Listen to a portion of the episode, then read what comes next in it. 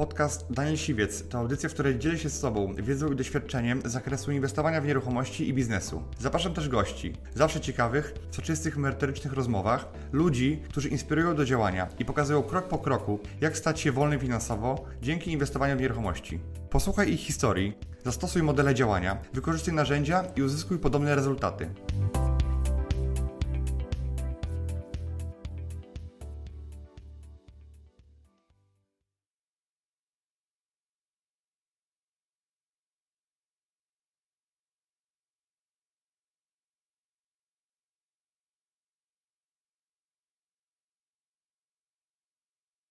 Tym roku przebijemy magiczne 50 milionów e, sprzedaży, e, plus deweloperka to się zrobi około 70 milionów przychodu. Mogę się do tego przyznać, jeździłem e, już od 15 roku życia samochodem bez prawa jazdy i e, Przedawniło się. przedawniło się, ale codziennie jadąc do pracy mijałem swoich kolegów, e, którzy szli, szli do szkoły. To są e, poziomy, które pozwolą utrzymać życie na bardzo wysokim e, I wszędzie, poziomie i wszędzie. i wszędzie, prawda? Udało nam się na krzesłach zbić pewien kapitał, który dzisiaj inwestuje, Mhm. przez lata inwestowaliśmy w nieruchomości, a teraz dodatkowo jeszcze na tych nieruchomościach budujemy póki co mieszkania e, i powielamy ten kapitał. Emerytura to jest coś takiego, że ty cały czas pracujesz, ale jakby w innych... Na swoich warunkach. Na swoich warunkach i w innym wymiarze, wymiarze czasu. Biznes Rider. Cześć, witajcie w Namacichu Business Ridera, a moim dzisiejszym gościem jest Kamil Pienio. Piąteczka. Cześć Daniel. Kamil jest przedsiębiorcą, który e, od wielu lat produkuje meble, a mianowicie krzesła. E, I prowadzi fi- firmę rodzinną. To jest dosyć duża firma, bo zatrudniasz ile pan? 200 osób, prawda? Tak jest. E, I z Kamilem poznaliśmy się w taki bardzo niecodzienny sposób, bo poznaliśmy się tak naprawdę na, na, na imprezie Kuby Midla integra, Integracji 4.0. Natomiast jak się okazało, Kamil w, tamtym, w tym roku, na początku roku, wylicytował udział i w Business Riderze i jakby z tego powodu zaprosiłem Kamila. Kamil jest przedsiębiorcą y, z bardzo fajną historią, z fajnymi sukcesami i mam do Kamila wiele pytań, które mnie interesują, bo Kamil prowadzi firmę z bratem, firmę rodzinną. E, I o tym też chciałem porozmawiać, bo Mówiliśmy Kamil przed wywiadem, że Twoja firma powstała już jakby w latach 90., Twój ojciec ją zakładał, jakby włas, własnymi rękoma, no ale później, e, później musiał tą firmę Wam przekazać, prawda? Tak. W ogóle Twoja firma się nazywa e, Cloudy Design. Cloud Design i, i robi głównie krzesła, prawda? Tak, ta firma specjalizuje się tylko i wyłącznie w produkcji krzeseł. Mhm. E, Nie zawsze tak się nowocześnie nazywała e, gdzieś tam w latach 80. czy 90. To jest oczywiście trend, e, który przyszedł później w związku z tym, że krzesła, które produkowaliśmy od końca lat 90. sprzedawaliśmy głównie na zachodzie, dlatego też nasz brand nazywa się Cloudy. Mhm. E, Co też jest ciekawe, pochodzi od imienia mojej siostry, Klaudii. Tutaj też Mhm. pozdrawiam siostrę. E, e, jak najbardziej. Krzesła tapicerowane, historia pod względem tradycji rodzinnych sięga już ponad 40 lat, e, chyba 43 lata na dzień dzisiejszy. Mm, Rodzice zaczęli, ja z bratem kontynuuję. Mhm. Mówiliśmy, że w latach 90. twój tata miał, ta firma była duża, bo była większa od Bodzia, od Blacklet White'u ówczesnego, prawda? Tak. Że to była du, duża firma i jakbyś mógł powiedzieć, jak, te, jak te historie się potoczyły, bo one się mm, tam przeplatają, te firmy między sobą, prawda? Natomiast oni poszli w jakimś tam innym modelu. Jakbyś mógł o tym powiedzieć, bo to jest Jak bardzo najbardziej. ciekawe. E, mm, Nie wszyscy pamiętają, przypuszczam, że widownię masz e, trochę bardziej, e, no, młodszą, ale w lata 80. e, to był czas, kiedy też niełatwo było prowadzić biznes w Polsce i trzeba było to robić przynajmniej w porozumieniu z państwem. I tak mój tato też zaczynał w latach w 79 roku tak naprawdę. Mm, W lata 90. już po, po okrągłym stole, to już wtedy zaczęło się takie Eldorado dla biznesu. Aczkolwiek e, osoby, tak jak moi rodzice, które w tamtym czasie prowadziły biznes, miały jednak e, z tyłu głowy tą myśl, e, że nie zawsze będzie tak kolorowo, może Tak. coś się wydarzyć, więc byli bardzo ostrożni w zakresie inwestowania, podejmowania decyzji i te decyzje bardzo często właśnie były takie e, bardzo bezpieczne. A firmy te, które wspomniałeś, dzisiaj bardzo znane, może w, zakresie półki cenowej czy, czy jakościowej, to, to nie jest dzisiejsze Cloudi, bo my jesteśmy w półce premium plus i nawet wyżej, to te firmy mm, jednak ich właściciele byli odważni i zainwestowali i rozwinęli tą produkcję dokładnie tego samego, co wtedy e, mój tato robił. E, I w związku z tym pod, pod koniec lat 90. e, konkurencja na rynku meblościanek czy mebli takich tapicerowanych, sof, wersalek, to było kiedyś znane i, i, i- bardzo mm, e, szeroko sprzedawane w Polsce, zrobiło się e, no nieciekawie, nie było tam za bardzo e, pieniędzy, nie było rentowności, a do tego e, rynek polski wyglądał w ten sposób, że salony meblowe bardzo chętnie e, meble kupowały, ale gorzej było z płaceniem za te meble. I, i, I to był czas, kiedy trzeba było wprowadzić pewną świeżość do, e, do naszej firmy rodzinnej. Mhm. A jak to się w ogóle e, zaczęło, że Ty do tej firmy wszedłeś, tak? Czyli jakby tata prowadził, e, tak? I, I tam szło dobrze. I, i co, co było dalej? Jakby, jak, jak tata Ciebie i wiem, że Mhm. brata jeszcze, tak? E, prowadził do firmy. Tak, no firma od, od początku była rodzinna, a, a ja dołączyłem do firmy w, jak miałem 15 lat, więc e, tak naprawdę byłem w pierwszej klasie liceum e, i niestety tato nie mógł prowadzić dalej firmy, e, zarządzać ją operacyjnie tak od strony zdrowotnej i, i moja mama potrzebowała pomocy. Ja byłem jedyną osobą, która mogła wtedy wejść do, do firmy e, i, i pomóc. Byłeś tym starszym bratem, czy... czy... E, Właśnie paradoks jest taki, że byłem, jestem najmłodszy, mamy tylko młodszą siostrę, e, ale ja byłem najmłodszy, tylko że starszy brat, czyli ten średni, robił karierę e, sportową, a e, najstarszy brat już był, już miał, rozpoczął karierę biznesową e, w zupełnie innej branży, e, ale bardzo szybko już do nas dołączył, to nie był niecały, niecały rok już do nas, do nas dołączył, ale ja byłem tą osobą, która ten szlak tego młodego pokolenia przetarła w firmie. Mhm. I jak, jak, jak było dalej, tak? I, na jakim poziomie wtedy była firma? E, w 99 rok to poziom e, zatrudnienia to było około 60, 50-60 osób. Mhm. E, produkowaliśmy mm, meble, tak jak wspomniałem, te tapicerowane. Sprzedawaliśmy to dość, na, w sumie na 7 rynków e, europejskich, głównie to są te rynki ościenne, e, ale problem pojawiał się właśnie z tymi, z tymi płatnościami, więc problem był z cashflowem e, w tamtym czasie i szukaliśmy jakiejś niszy i, i doszło do, do bardzo fajnego e, zdarzenia. Ja odwiedzając jedną firmę, e, która produkowała krzesła e, w niedalekiej okolicy naszej naszej miejscowości, e, zobaczyłem kalendarz firmy holenderskiej, która e, na tym kalendarzu miała zdjęcie z krzesłami i, z, i, i, z, i ze stołem. E, i tam był numer telefonu do tej firmy. I spisałem ten numer telefonu i w związku z tym, że e, w- m, rodzice inwestowali w nas i kończyliśmy letnie szkoły w Anglii, język angielski znaliśmy, e, tak jak ja i moi bracia, no to najwyższy czas, żeby wykorzystać swoje umiejętności, zadzwoniłem do tej firmy holenderskiej i zaprosiłem ich na pierwsze spotkanie.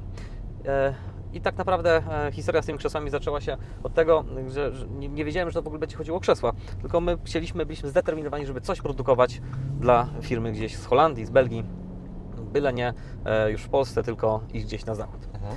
Trwało to jakiś, jakiś rok, zanim dogadaliśmy się w jakiejkolwiek kwestii, ale udało nam się wdrożyć, wdrożyć model, który e, następnie zaczęliśmy produkować. Praktycznie po kilku miesiącach produkcji tego modelu stwierdziliśmy, że, że to jest to, w czym chcemy się rozwijać. Czy, czyli, czyli moment, czyli oni jakby, to była firma, która produkowała e, takie rzeczy, a wy, się staliście ich podwykonawcą, tak? Nie, to była firma, wiesz co, oni powiedzmy, że w latach gdzieś tam 70. produkowali jakieś proste krzesła, ale już od lat 80. byli głównie firmą, która sprzedawała e, w ogóle meble, całe aranżacje wnętrz. I na tamten moment, jak my z nimi zaczynaliśmy, oni mieli własne biuro projektowe i e, sieć sprzedaży e, i potrzebowali fabryk, które będą dla nich to wykonywać. I my staliśmy się taką, e, taką jedną z, z fabryk. Mhm.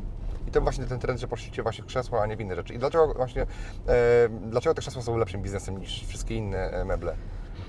Ja mogę powiedzieć, dlaczego są lepszym biznesem dla mnie i Tak, dla, tak. dla mojego brata, e, bo bardzo różnie można słyszeć. Jak zapytasz producenta sofy, e, co jest e, trudniej wykonać, czy sofę, czy krzesło, to powie Ci, że sofę. A ja powiem wręcz odwrotnie. Jest wiele argumentów za tym technicznych, ale nie będę tego przytaczał, bo to nie o to chodzi. Dla nas to było coś nowego. Przez poprzednie wiele lat rodzice produkowali sofy. Dochodzi do pewnej monotonii w pewnym momencie i też dochodzi do jakiegoś, jakichś, jakichś barier. I albo je pokonujemy, inwestujemy i, e, i coś uda się nam zrobić, e, albo nie. W naszym przypadku pivot, e, czyli zmiana zupełnie, kierunku, mimo że to jest branża podobna, mm, to zupełnie inna, to jednak zaowocowało. Mhm. Krzesła, e, o tyle co, co zauważyliśmy, dlaczego te salony meblowe w Polsce nie chciały płacić za, za sofy. Albo inaczej, jak już przychodziło do momentu, że trzeba płacić, co robili? Zgłaszali reklamacje. Bezpodstawne reklamacje tylko po to, żeby, żeby za te meble nie zapłacić. E, I wtedy e, z taką sofą to był problem, żeby ją przewieźć, naprawić, cokolwiek Logistyka zrobić. jest droga po prostu, tak? Dokładnie. A w przypadku krzeseł, to powiem szczerze, można w krzesło wziąć pod pachę, wsiąść do pociągu i jechać je zawieźć na drugi koniec Polski bez żadnych problemów. Tak, tak, I to są tak. takie rzeczy może śmieszne, ale dzisiaj e, wygląda to w ten sposób, że e, jak lecę mm, do klienta z wizytą do Izraela na przykład, e, to wzór krzesła pakuję do walizki tak naprawdę, w dwóch Mhm. częściach albo w, w jakimś większym mm, e, bagażu Tak. i bez problemu to ze sobą sofę- zabieram. a sofę? a sofy ze sobą nie zabierzesz. To jest to. Następnie e, znaleźliśmy też te rynki niszowe, gdzie krzeseł bardzo dużo się sprzedaje. E, krzeseł też nikt nie kupuje e, jednej sztuki, tylko przeważnie to są sety od 4 do 6 w Europie, czy tam do 8, a na przykład w takim Izraelu standardem jest 12 krzeseł, ponieważ tam dzietność jest na poziomie 2,5, gdzie w Polsce mamy poniżej jednego dziecka na, statystycznie na, na parę. Więc to, e, to są takie miejsca, gdzie i, i statystyki, gdzie widzimy, że możemy zrobić no, też na tym biznes, bo na jednym krześle może nie zarobimy dużo, ale już na całym secie więcej. Tak, tak. Bo to nie jest też tak, że się krzesło po prostu częściej wymienia, częściej kupuje e, w swoim życiu. Ja na przykład kupiłem A. wiele krzeseł, ale SOF to bym policzył je na, na palcach dwóch rąk, ile kupiłem SOF. E, I to się jak najbardziej zgadza. To e, powiem tak, e, z badań wynika, i my tego doświadczyliśmy, że e, krzesła są niedrogim elementem wystroju wnętrz w porównaniu na przykład do sofy czy do jakichś większych mebli, a bardzo mocno mogą zmienić charakter wnętrza. Tak. I my na tym trendzie bardzo mocno budujemy swoją markę w Polsce już od 2017 roku i uświadamiamy naszych klientów, doradzamy im, w jaki sposób właśnie wnętrza upiększać poprzez takie krzesła. Nie tylko krzesło, które stoi przy stole, ale też krzesło takie, które Amerykanie mówią na te accent chairs, czyli to są meble, które stoją i upiększają wnętrze. To są pojedyncze fotele czy krzesła y, i tak dalej. I to, e, to się zgadza. Częściej to są małe akcenty, które e, ludzie u siebie w mieszkaniach wymieniają. A w pandemia pokazało to bardzo mocno. Mm, Jak zaczęły się remonty, bo wszyscy siedzieli w domach, tak. e, zaczęło się e, no, Eldorado. Właśnie mam kolegę, który projektuje meble, między innymi dla Klera e, i mówił, że po prostu ten e, no, COVID to był dla niego jedno wielkie Eldorado i po prostu e, cała, cała ta branża meblowa e, no, doznała takiego strzału e, dużego. Jak, to było u Was? No u nas było podobnie. Jak zaczęła się pandemia, i akurat w- jak tylko pandemia się zaczęła, to ja byłem na targach meblowych w Stambule. Mhm. I na tych targach e, dochodziły już do nas pewne wiadomości, co się może wydarzyć. Też czytaliśmy e, różnego rodzaju doniesienia z, z Chin.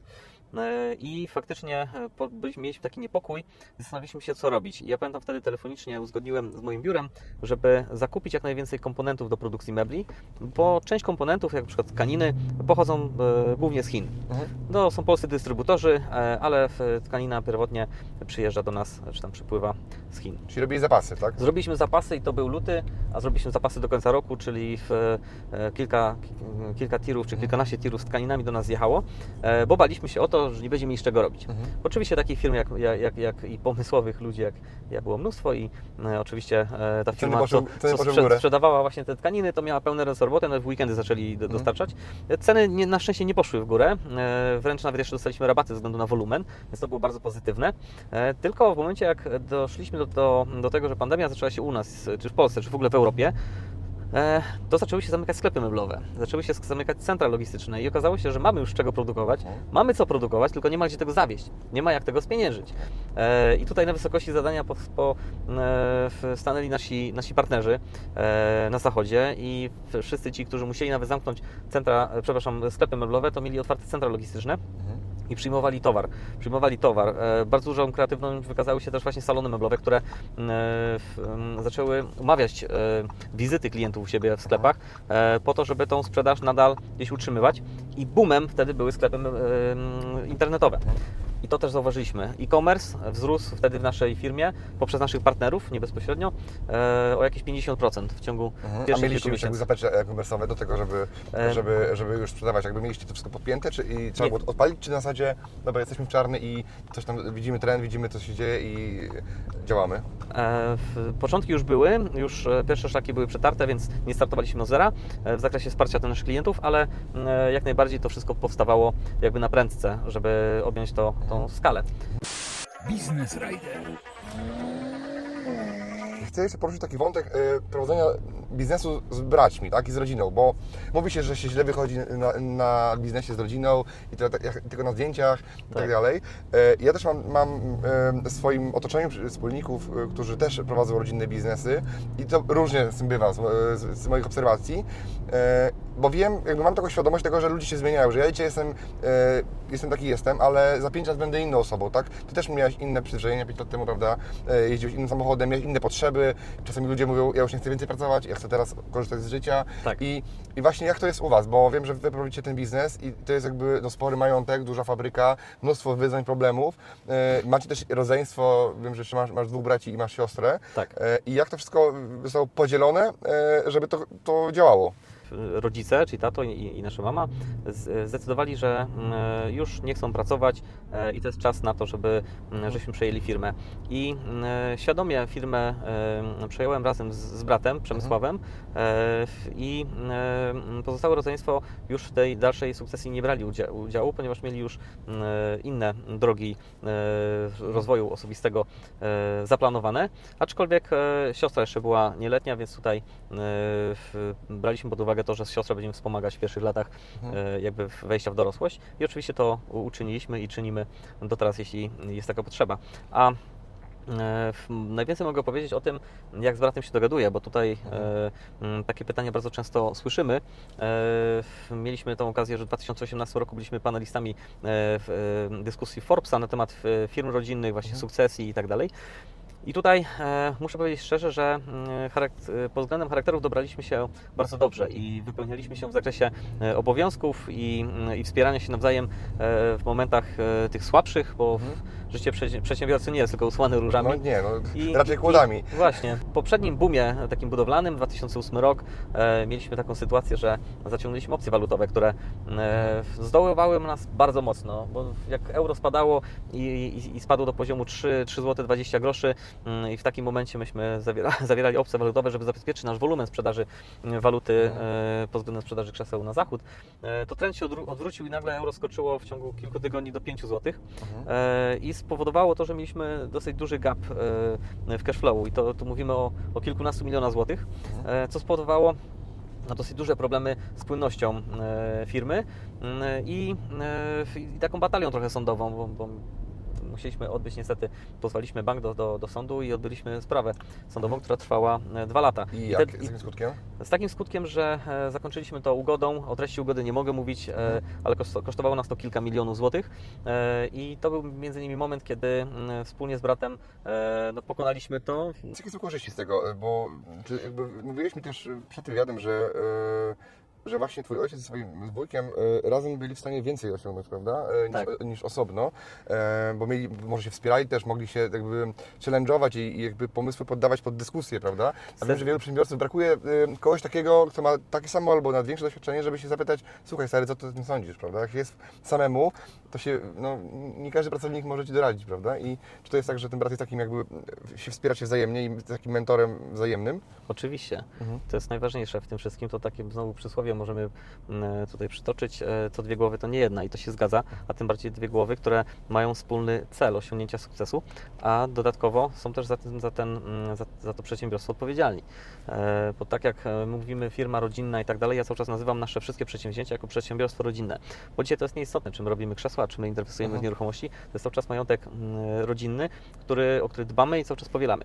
I tutaj w zakresie takiego wspierania się to jest bardzo kluczowe e, żeby e, w, różnych momentach, bo różne momenty są w życiu i to prywatne i, i zawodowe, że, że, że jesteśmy w stanie się wspierać, a dodatkowo uzupełniać, co jest istotne, choćby nawet w, w takim codziennym balansie życiowym. Jeśli chcę jechać, e, wyjechać na urlop, nie mam nie miesiąc czy półtora, tak jak to miało miejsce teraz w tym roku, e, wiem, że na miejscu zawsze jest brat, bo zdalnie możemy popracować, ale zawsze ktoś tam jeszcze na miejscu, e, jak zaglądnie, jak sprawdzi, to człowiek jest bardziej spokojny. I to samo w drugą stronę. E, Też e, e, brat może sobie spokojnie pozwolić na to, żeby wyjechać na dłużej i tematy będzie miał też No, zorganizowane. No, no właśnie, to, to jest fajne, ale pytanie, gdzie jest ta granica, prawda? No bo też nie, nie chcę tak głęboko grzebać u, Was, ale popatrz sobie, jeżeli Ty byś tak powiedział, że chcesz mieć 5 lat wolnego, Mhm. prawda? To pytanie, ile ten Twój brat by wyciągnął ten wóz za Ciebie, prawda? Na, na swoich barkach samych. Albo by powiedział, słuchaj, ja chcę mieć firmę dalej, ale już nie chcę pracować. Ty teraz pracuj, zajmij się tym. I Danielu, jeśli- to są, to są takie decyzje strategiczne i Mhm. oczywiście zawsze, e, czy to w życiu e, prywatnym, czy biznesowym, zawsze dochodzi do pewnych kompromisów.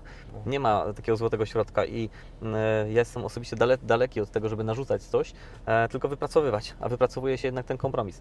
Owszem, w, rozmowy dotyczące e, ilości pracy, czy mm, przejścia na tak zwaną emeryturę rentierską i tak dalej, to są e, rozmowy normalne i po, po tylu latach prowadzenia biznesu do takich rozmów dochodzi. Mamy wspólny cel, który chcemy osiągnąć i, i do tego dążymy.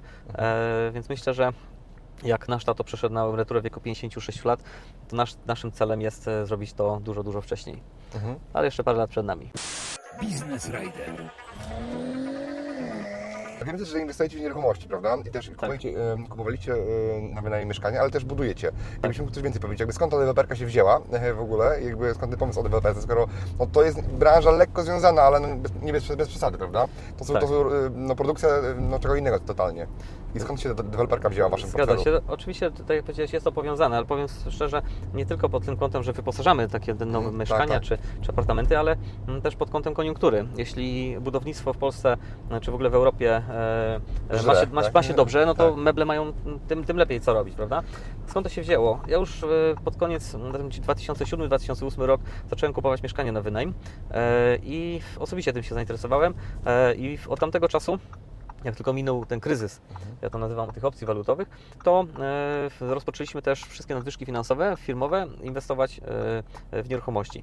Przede wszystkim kupowaliśmy grunty, e, które docelowo miały służyć dla, dla rozwoju naszej firmy. Budowaliśmy obiekty komercyjne, też hale produkcyjne, magazynowe, które w razie czego zawsze możemy sami wykorzystać. I przez te lata uzbierało się dosyć, dosyć, dosyć spory portfel takich różnych działek i to w, nie tylko w naszych okolicach, gdzieś tam pod Wrocławiem, ale też i na Pomorzu. E, I od zeszłego roku rozpoczęliśmy już e, ten etap, kiedy chcemy zacząć to spieniężać, czyli zaczęliśmy budowę. I, wybudowaliśmy na dzień dzisiejszy apartamentowiec w Obornikach Śląskich i zaczynamy, e, zaczęliśmy sprzedaż właściwie w tych, w, kwietniu 2022 roku.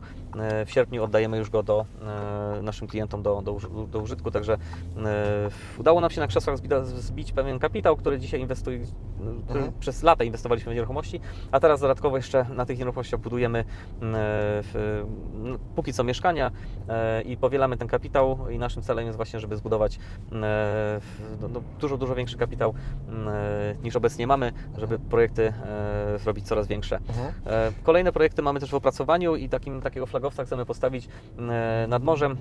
Kupiliśmy działkę przy plaży e, w miejscowości Rewal w zachodniopomorskim i tam będziemy budować 44 apartamenty pod, e, pod sprzedaż. Ile sobie zostawiacie? I to jest ciągle pytanie, na które jeszcze sobie nie odpowiedzieliśmy, ile sobie zostawiamy, e, bo tutaj e, jest kwestia tego, mm, ile, jesteśmy, ile w stanie, jesteśmy w stanie zarobić na tej inwestycji i co później z tym pieniędzmi jesteśmy w stanie znowu, e, gdzie je zainwestować. E, więc na to pytanie odpowiem Ci, myślę, za jakiś rok. Okej.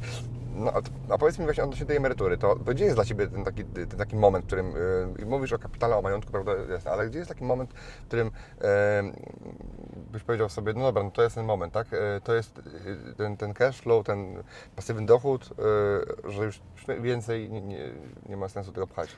Powiem Ci tak. Mm, Takich granic sobie nie wyznaczyłem, ale nad nimi się zastanawiałem. I tak jak wspomniałeś, że poznaliśmy się w piątek w Łodzi, e, to tam e, pojechałem też na, na integrację do, do Kuby Midla, e, że z- poznać ludzi podobnych e, pod względem mentalu, myślenia, takich ludzi przedsiębiorczych. I poznałem kilka osób i e, w, słuchałem ich, m, co w życiu robią e, i najbardziej interesowały mnie właśnie te osoby, które już są na tej emeryturze rentierskiej. E, I poziom rzędu 20-30 tysięcy dolarów miesięcznie to są e, poziomy, które pozwolą utrzymać życie na bardzo wysokim e, I wszędzie, poziomie i wszędzie. prawda? I właśnie e, bardzo często słyszałem takie, takie poziomy. To są poziomy, e, które mm, e, mm, też osobiście sobie wyobrażałem, że tak to powinno wyglądać, e, żeby nie, był, nie było, że tak powiem, e, żeby nie było przesady, e, ale żeby też było, było godnie i na spokojnie. I powiem szczerze, że mm, kapitał, jaki zgromadziliśmy, jest bardzo, bardzo duży, ale pod względem spieniężenia tego w, Tak. w taki przychód pasywny, takie modne, modne słowo ostatnio, to jeszcze tego nie robimy na chwilę Mhm. obecną. Przyjdzie taki moment, że mm, z każdej inwestycji albo będziemy zostawiali po kilka czy kilkanaście mieszkań, albo postawimy prowadzimy po prostu czynszówki w tych naszych najlepszych lokalizac- lokalizacjach, a, a też mamy grunty przemysłowe przy trasie S5 pod Wrocławiem i też zastanawiamy się nad budową centrum logistycznego, Mhm. które możemy wynajmować, więc to też jest, mm, też jest coś, co może nam ten przychód Tak. pasywny zapewnić. No właśnie, bo niektórzy, e, jak im się zwiększa dochód, zwiększa im się poziom życia też, to mają takie coś, że a jeszcze więcej. No dobra, ustaliłem sobie, że nie wiem, mój miesięczny e, ten który jest potrzebny, ten czynsz pasywny, żeby się utrzymać, to jest nie wiem, 20-30 tysięcy złotych. Później to podwyższają, aż y, dochodzi do 100, później do 200 i, i, i to, wciąga i nie wcale przestać. E, i, I właśnie, no a czasami do, do życia nie trzeba dużo, prawda? No bo wiadomo, że można żyć e, pasywnie, to, to, to nie trzeba wydawać tyle samo, jak się zarabia, prawda? To już jest trochę... Oczywiście, oczywiście, że tak. I tu Ci powiem, że to dochodzi właśnie do takiego szczytu, ale później z tego szczytu się schodzi pod kątem takich właśnie wymagań i potrzeb życiowych. Tak. Mam starszych e, kolegów, którzy mają już za sobą e, Mhm. przejście na taką emeryturę Wrócili rentierską. do pracy, tak? I, e, I powiedzmy, że nie jest tak, że leżą pod palmami, bo to się robi nudne po kilku Tak. miesiącach, tylko dalej coś robią, ale robią to na spokojnie, na spokojnie ze spokojnym snem, e, bo mają pewien, pewien pewnik, który e, co miesiąc do nich wpływa, a dodatkowo coś robią i zawsze to robią z sukcesami, dlatego że nie ma takiej spiny, nie? jak Tak, to tak, jest tak. w codziennej. To jest właśnie fajne. Ja operacji. słyszałem o, o tym, że ludzie na emeryturze, którzy przychodzą w wieku tam emerytalnym, to jak nie mają celu, nie mają co robić, to bardzo często łapią się choroby, umierają po prostu i no, nie mówię, że wszyscy, ale jakby e, długość życia zale- zależy od, od długości tego jakby od bycia cały czas w pracy, bycia potrzebnym komuś. E, I nie wiem, moim zdaniem e, emerytura to jest coś takiego, że ty cały czas pracujesz, ale jakby w innych... Na swoich warunkach. Na swoich warunkach i w innym wymiarze, wymiarze czasu. Ja na przykład sobie ustaliłem, że jeden dzień w tygodniu przestaję pracować od, od, od, czerwca i, i zobaczę, jak, jak to będzie wyglądało, bo stać mi na to, żeby nie pracować, bo nie potrzebuję pracy a- aż tak bardzo, bo też, też pracuję dużo. Yy, I wydaje mi się, że to taka półemerytura chyba jest czymś takim lepszym, e, żeby dużo wyjeżdżać, ty też du- dużo pracujesz, jesteś w stanie dorzucić to wszystko i pojechać i pracować jakby aż do, do odcinki tak naprawdę, póki jesteś w stanie. Co ty o tym sądzisz, o, o, o takim modelu? Zgadzam się z Tobą, a powiem Ci jeszcze jedną e, taką moją obserwację. E, wielu moich klientów na zachodzie, z którymi współpracuję, e, to są też firmy wielopokoleniowe. I dochodzi do tego, że seniorzy rodu, że tak powiem, mimo że to już jest trzecie pokolenie, które prowadzi firmę, Mhm. seniorzy rodu, którzy mają po 80 lat, dalej pracują w tej firmie i są w pełni aktywni. I po nich nawet nie widać, jakbyśmy ich porównali do e, tutaj w Polsce do 80-latków, to jest zupełnie inna liga pod kątem e, takiej sprawności nawet fizycznej, bo cały czas są aktywni. Oczywiście w w mniejszym wy- wymiarze czasu e, i tak dalej, ale są wciąż aktywni. Zgadzam się z Tobą co do tego, że faktycznie taka półemerytura, e, z- tym bardziej w wieku około tam 35-40 lat, e, to jest bardzo zdrowe. Mam kolegę, który zdecydował się przejść na emeryturę w wieku 30 lat. E, Został mu jeszcze rok, e, jest na doskonałej drodze i raczej to zrobi. Zastanawia mnie, jak, jak szybko się znudzi, Mhm. e, bo wszyscy w koło ci właśnie bardziej doświadczeni mi o tym mówią, że się dosyć szybko znudzi i znajdzie inny sposób na, na życie. I to jest właśnie ten półśrodek. Tak, ja po tygodniu już generalnie już, już mnie nosi, już bym chciał coś zrobić, już wpadam na nowe pomysły e, i nie jestem w stanie, tak? I myślę, że jakby mi to zabrali, to tak jakby zabrali mi może nie sens życia do końca, ale, ale jakbym, wiesz, nie mógł prowadzić... ciebie, no. Tak, nie mógłbym prowadzić biznesu, robić czegoś, tworzyć czegoś, no coś no, nowego, wymyślać tak jakby, no to był się czuł niepotrzebny tak naprawdę. Nawet jakbym miał zapewniony ten dochód minimalny, o którym teraz się mówi, tak? I, i wszystkie rzeczy. Jasne. Człowiek jest e, stworzeniem stadnym Mhm. i wyobraź sobie teraz, że ty masz 35 czy 40 lat i nagle idziesz na emeryturę. E, wychodzisz e, u siebie na miasto i nie widzisz nikogo ze swojego, ze swoich rówieśników, swoich kolegów, bo wszyscy Wszyscy są w pracy pracy. i najbliższe 30 lat też będą w Tak, pracy, dokładnie tak. Dlatego to jest istotne, e, żeby, żeby ten life balance odpowiednio sobie ułożyć. I istotne też jest to, żeby jeździć na takie e, spotkania, jak, jakie Ty organizujesz. Czy Kuba Midel, tak, wielka integracja ostatnio w Łodzi, bo tam e, spotykamy ludzi, którzy naprawdę mają podobny mental. I jak już dojdzie do tego, że faktycznie będziemy na tej półemeryturze, to może część z tych osób też nie będzie pracować, będziemy mogli czas spędzać razem. Często się mówi właśnie, że osoba, która zarabia mało nad pasywnie, na, na załóżmy 5000 zł, to też nie jest, nie jest mało, ale no załóżmy przy naszych biznesach no to nie jest, y, y, to jest, i normalna osoba jest w stanie się utrzymać, y, jakby godnie, godnie żyć i są czasami takie osoby bardziej szczęśliwsze, wolniejsze niż przedsiębiorca, który zarabia 100, 200, 300 miesięcznie, ale generalnie jest cały czas w, tym, w, tym, w tej klatce, tak jakby Tak. w tym kołowrotku, jak chomik biega, tak? I, I to jest ciekawe. Interesuje mnie jeszcze jedna rzecz, bo wiem, że masz dzieci. Ile ma, trójkę masz dzieci, czy dwójkę? Ja mam dwójkę dzieci, Dwójkę dzieci. syna i córkę. I, I twój brat też ma dzieci, prawda? I Tak. teraz, czy macie jakiś pomysł, jak im to przekazać, tą firmę mądrze, żeby, żeby oni tego nie rozpieprzyli, żeby, żeby oni, oni chcieli to robić, żeby, nie wiem, żeby nie tylko majątek, ale też przekazać im jakby, też ile dzieci mają twoje lat mniej więcej? E, Moja córka ma 3 lata, syn ma już prawie 6. Mhm. U mojego brata są ciut starsze, starsze dzieci, ale ten najstarszy syn ma e, 16 lat w tej chwili. Nie mam takiego przepisu i powiem Ci szczerze, mm, e, obracałem się w tym środowisku właśnie firm, które e, zaczynały w latach 80., 90. i ta sukcesja nastąpiła bądź następuje w tej chwili. E, I to jest dopiero drugie pokolenie, które przyjmuje firmy.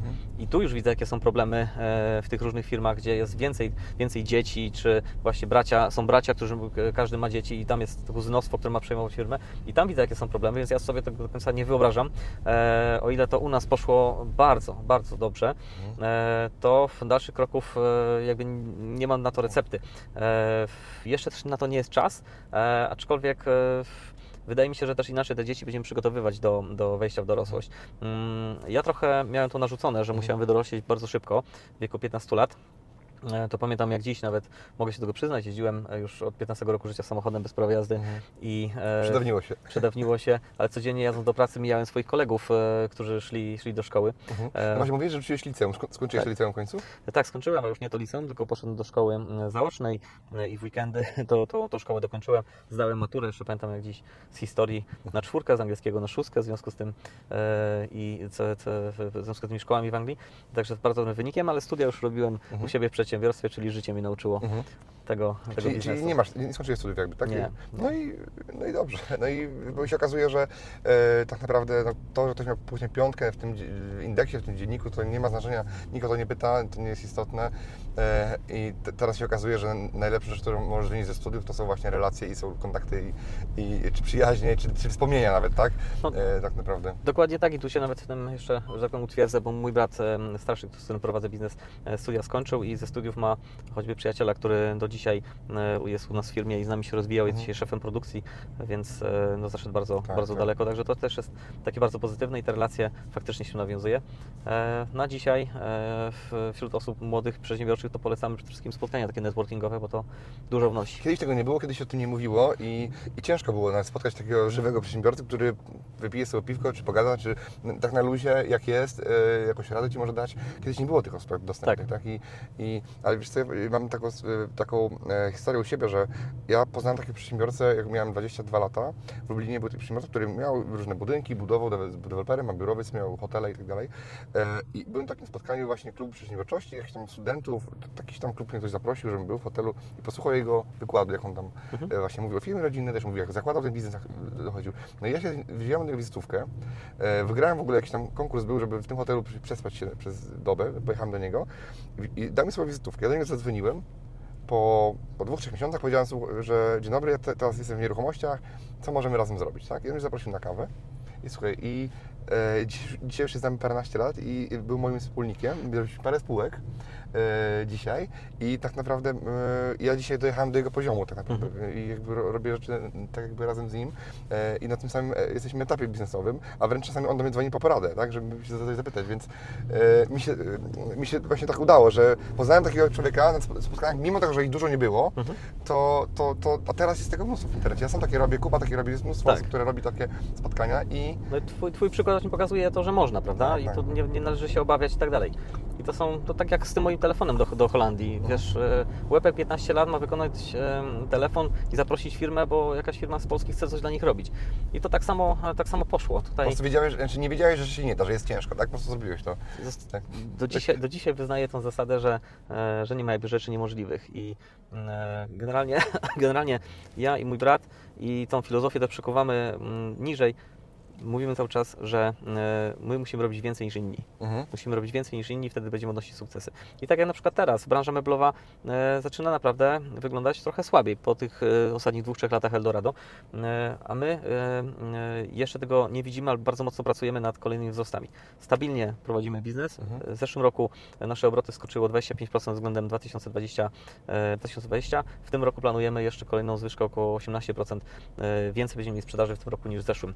Także w tym roku przebijemy magiczne 50 milionów e, Mhm. sprzedaży, e, plus deweloperka to się zrobi około 70 milionów przychodu dla Super. naszej całej grupy. To, to powiedz- powiedz mi w takim razie, e, w takim razie jak to działa u Ciebie deweloperka? Czy Ty się operacyjnie tym zajmujesz, czy brat? Czy, czy macie jakiegoś menedżera od tego projektu, który, który to prowadzi? Biznes deweloperski zaczęliśmy robić od podstaw prawidłowo, jak książka pisze, gdzie w krzesłach dochodziliśmy 20 lat, żeby był e, cały pion organizacyjny, który zarządza fabryką.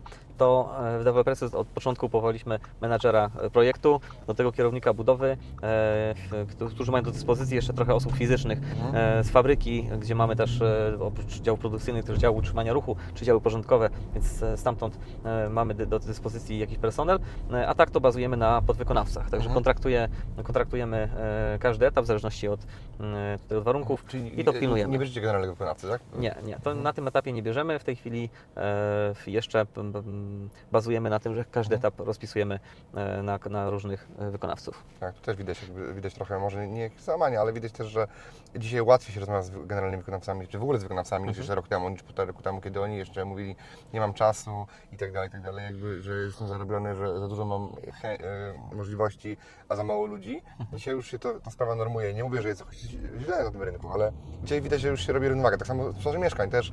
E, niektórzy, którzy są na rynku 2-3 lata mówią, Daniel, jest, że jest jakiś kryzys.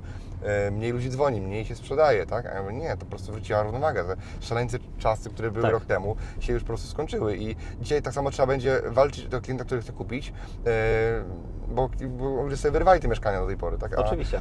A teraz po prostu trzeba będzie walczyć o jed- jedną stronę i o drugą transakcji.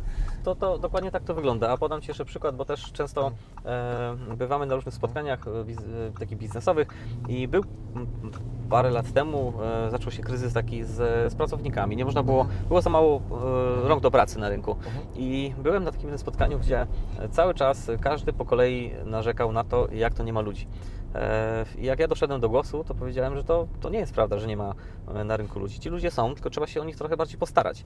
I to, co my od początku e, robimy, od samego początku, jak tylko zaczął się ten kryzys, znaczy kryzys, to Eldorado migracyjne i Polacy wyjeżdż- wyjeżdżali na zachód, to my już w, lat, w, w latach 2007 już mieliśmy pierwszych imigrantów z Mołdawii. I my ściągaliśmy ludzi z Mołdawii. To jeszcze nie było w ogóle w Polsce popularne. O Ukraińcach no, no byli, to się zdarzali, ale nie było tak popularne jak, jak dzisiaj. I to jest między innymi takie przedsiębiorcze działanie, czyli był problem i my go rozwiązy, rozwiązywaliśmy. I faktycznie e, dochodziło do tego, e, że bardzo mocno działaliśmy PR-owo pod względem takim, że potrzebujemy rąk do pracy. I ludzie byli i do dzisiaj twierdzę, że są i będą. I to samo będzie z, z, z klientami. Trzeba po prostu się bardziej postarać.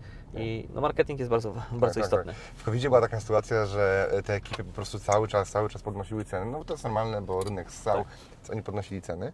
I, ale był taki moment, kiedy wszystko siadło, po prostu budowy może tam się dalej prowadziły, ale, ale remonty i ludzie przestali kupować, przestali oglądać, wszystko- stanęło. Yy, Nie wiedzieli, myśleli, że będzie koniec świata, więc wszystko stanęło, pamiętasz? Tak. I ekipy nagle zaczęły do nas dzwonić, czy nie macie jakiejś roboty. No my mamy, ale no dzisiaj to my negocjujemy cenę w drugą stronę, prawda? No bo mamy, ja miałem wtedy 40 mieszkań do wykończenia naraz i sobie bez problemu zakontaktowałem te ekipy, ale tak ja, oni na mnie dzwonili po podwyżkę, czy chcieli podwyżkę, negocjowałem z nimi, zawsze dawałem im, tak jak uważałem, jak, żeby każdy był zadowolony.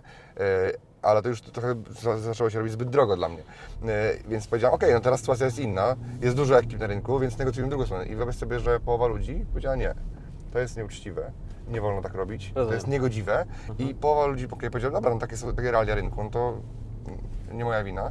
E, A druga powiedziała, nie, to jest w ogóle brak szacunku i nie można negocjować w drugą stronę. Ale jak oni wyrywali ode mnie pieniądze, To można e, było, to, to, to, to można. Bo ja oczywiście ich rozumiem jakby, tak? Ale no, chodzi, że jest taki mechanizm, Natomiast no, nie, wyobrażam sobie, że moich pracowników, których mam u siebie e, w firmie, e, dla mnie jest tylko 20 osób, żebym z nimi e, no, renegocjował kontrakt, to chyba, że naprawdę byłoby w firmie by się mega źle działo. Powiedz mi, gdzie byś chciał być, bo widzę, że dobrze Ci idzie biznes, no, naprawdę no, nie ma co narzekać, to gdzie byś w takim chciał być za te 10 lat, tak? No bo za te 10 lat to już może myślisz o tej emeryturze, że już chyba trzeba by było na niej być, to gdzie biznesowo byś chciał być, jakby, żeby Wasza firma doszła? Czego Ci mogę życzyć? Bardzo ciekawe pytanie. To najpierw Ci odpowiem, gdzie ja chcę być i skąd chcę y, zarządzać e, i w jakim stopniu. E, mm, Mam nadzieję, że słowa będą prorocze. Dosyć dużo słów, które w swoim życiu wypowiedziałem, się spełniły i bardzo często to mówię mojej żonie, że muszę uważać, jakie mam marzenia, bo one mi się spełniają. E, e, To tak e, pół żartem, pół serio. Na pewno mm, spokojnym, stabilnym miejscu. Na dzień dzisiejszy uważam takie, takie miejsce za, e, za takie spokojne, to jest Floryda. E, Przyszłość moich dzieci e, też widzę, widzę w Stanach Zjednoczonych, żeby tam się kształciły. I ewentualnie sami później już drogę wybiorą, co chcą robić i gdzie chcą to robić. E, I stamtąd chciałbym z tego poziomu e, e, być właścicielem pakietu większościowego e, fabryki Cloudi, czy w ogóle brandu, bo tutaj mamy mm, szerokie plany i chciałbym, żeby to, to się spełniło, czyli model zachodni w zakresie salonów meblowych chciałbym wdrożyć w Polsce, bo widzę tutaj kolejną niszę, która Model jest do wypełnienia. to znaczy model zachodni? To znaczy budujemy showroomy w Polsce i oferujemy już ca całe wnętrza na, mm, w, w tej półce Premium Plus. Widzę, widzę to, że w, w Polsce mm, mm, niestety ale pojawia się rozwarstwienie społeczne i są ludzie, którzy mają e, więcej pieniędzy, czyli ci na szczeblu menedżerskim, którzy zarabiają 20-30 tysięcy złotych miesięcznie nawet na etacie, oni nie za bardzo mają gdzie kupić meble. Powiem szczerze, gdybym nie był w branży i jak meblowałem sobie, zmieniałem aranżację ostatnio w swoim domu, miałem problem z tym, gdzie mam kupić meble poza krzesłami.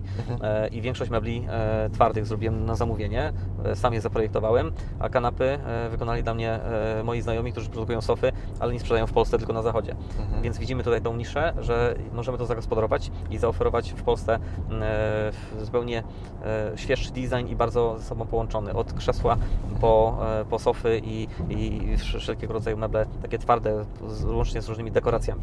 To ciekawe, tak? Bo, bo wiesz, no, to nie jest tak, że nagle Polska e, stała się e, no, gospodarką mlekiem płynącą, tylko już, już ten dobrobyt tam trwa parę lat, prawda? I Tak. żeby, żeby naprawdę ciężko było kupić dobrej jakości meble, e, no to ciekawe, bo rozumiem, że w Lublinie może nie być takiego stanu, Jasne. ale że w Warszawie na przykład albo we Wrocławiu. Nie, no oczywiście, że są pojedyncze, Mhm. tylko mówimy o jakiejś sieciówce, prawda?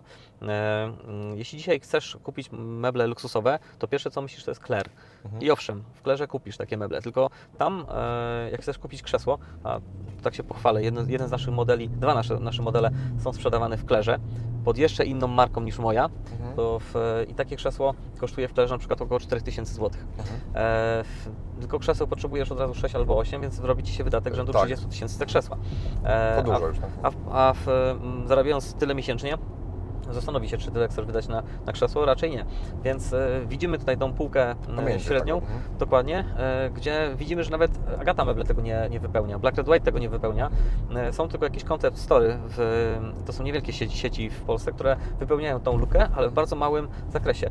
A my jesteśmy w tym położeniu bardzo szczęśliwym, że oprócz tego, że mamy swój brand, który rozwijamy cały czas, obs- em, zaopatrujemy kilka brandów zachodnich, które e, bardzo dobrze, e, dobrze mają skrojoną politykę na rozwój tego typu e, właśnie salonów showroomowych. Okej, I- Czyli można trochę od nich podpatrzeć, tak? My mamy model gotowy, który tak naprawdę możemy, musimy go tylko skopiować tutaj na nasze warunki. A to nie są, e, to nie są trudne rzeczy i chcemy to, chcemy to zrobić. I taki pierwszy salon w przyszłym, w przyszłym roku jest zaplanowany, już chcemy w, w, albo w Wrocławiu, albo w Warszawie otworzyć i tą sieć chcemy rozwijać. Także wracając do, do tego, gdzie się widzę za 10 lat, to w zakresie fabryki chcę, żeby ta fabryka e, dalej się rozwijała, ale już nie tylko jako produkcja, ale też jako brand i będzie to na pewno brand pod nazwą Cloudy e, i tutaj się rozwiniemy w zakresie w ogóle wyposażenia wnętrz mm, e, mieszkań, domów.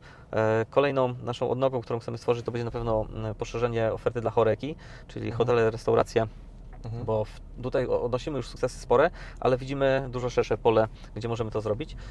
E, I e, pod względem deweloperskim to myślę, że już doj- dojdziemy razem z bratem do tego momentu, e, że dużo nieruchomości zachowamy w swoim portfolio po to, żeby one pracowały już tylko na nas. Tak. I tak to widzę za, za 10 żeby lat. dywersyfikować, tak? Także Dokładnie. super, no, bardzo fajne plany. Yy, Ja mam nadzieję, że, wiesz, że spotkamy się za, za rok, za dwa e, i jestem ciekawy, jak to wyjdzie. Także wielkie dzięki, piąteczka. Dzięki. Dzięki że w ogóle, że, że wsparłeś Wielką Orkiestrę, że e, kupiłeś, e, jakby, że wygrałeś licytację, bo tam była za, za, zawzięta e, walka i wi- powiedzmy widzą, że zapłacili za to 16 tysięcy złotych, które poszło bezpośrednio na konto Wielkiej Orkiestry, także bardzo się cieszę z tego powodu, że i tak ja, i tak samo Ty mogliśmy tutaj wesprzeć e, no, cel charytatywny. Także dzięki Jak wielkie jeszcze raz i na razie, hej. Dziękuję. Hej. Dziękuję Ci, że wysłuchałeś do końca. Jeśli ten podcast był dla Ciebie interesujący, zapraszam do słuchania kolejnych odcinków. A jeśli chcesz jako pierwszy otrzymywać powiadomienia o nowych odcinkach, subskrybuj mój podcast.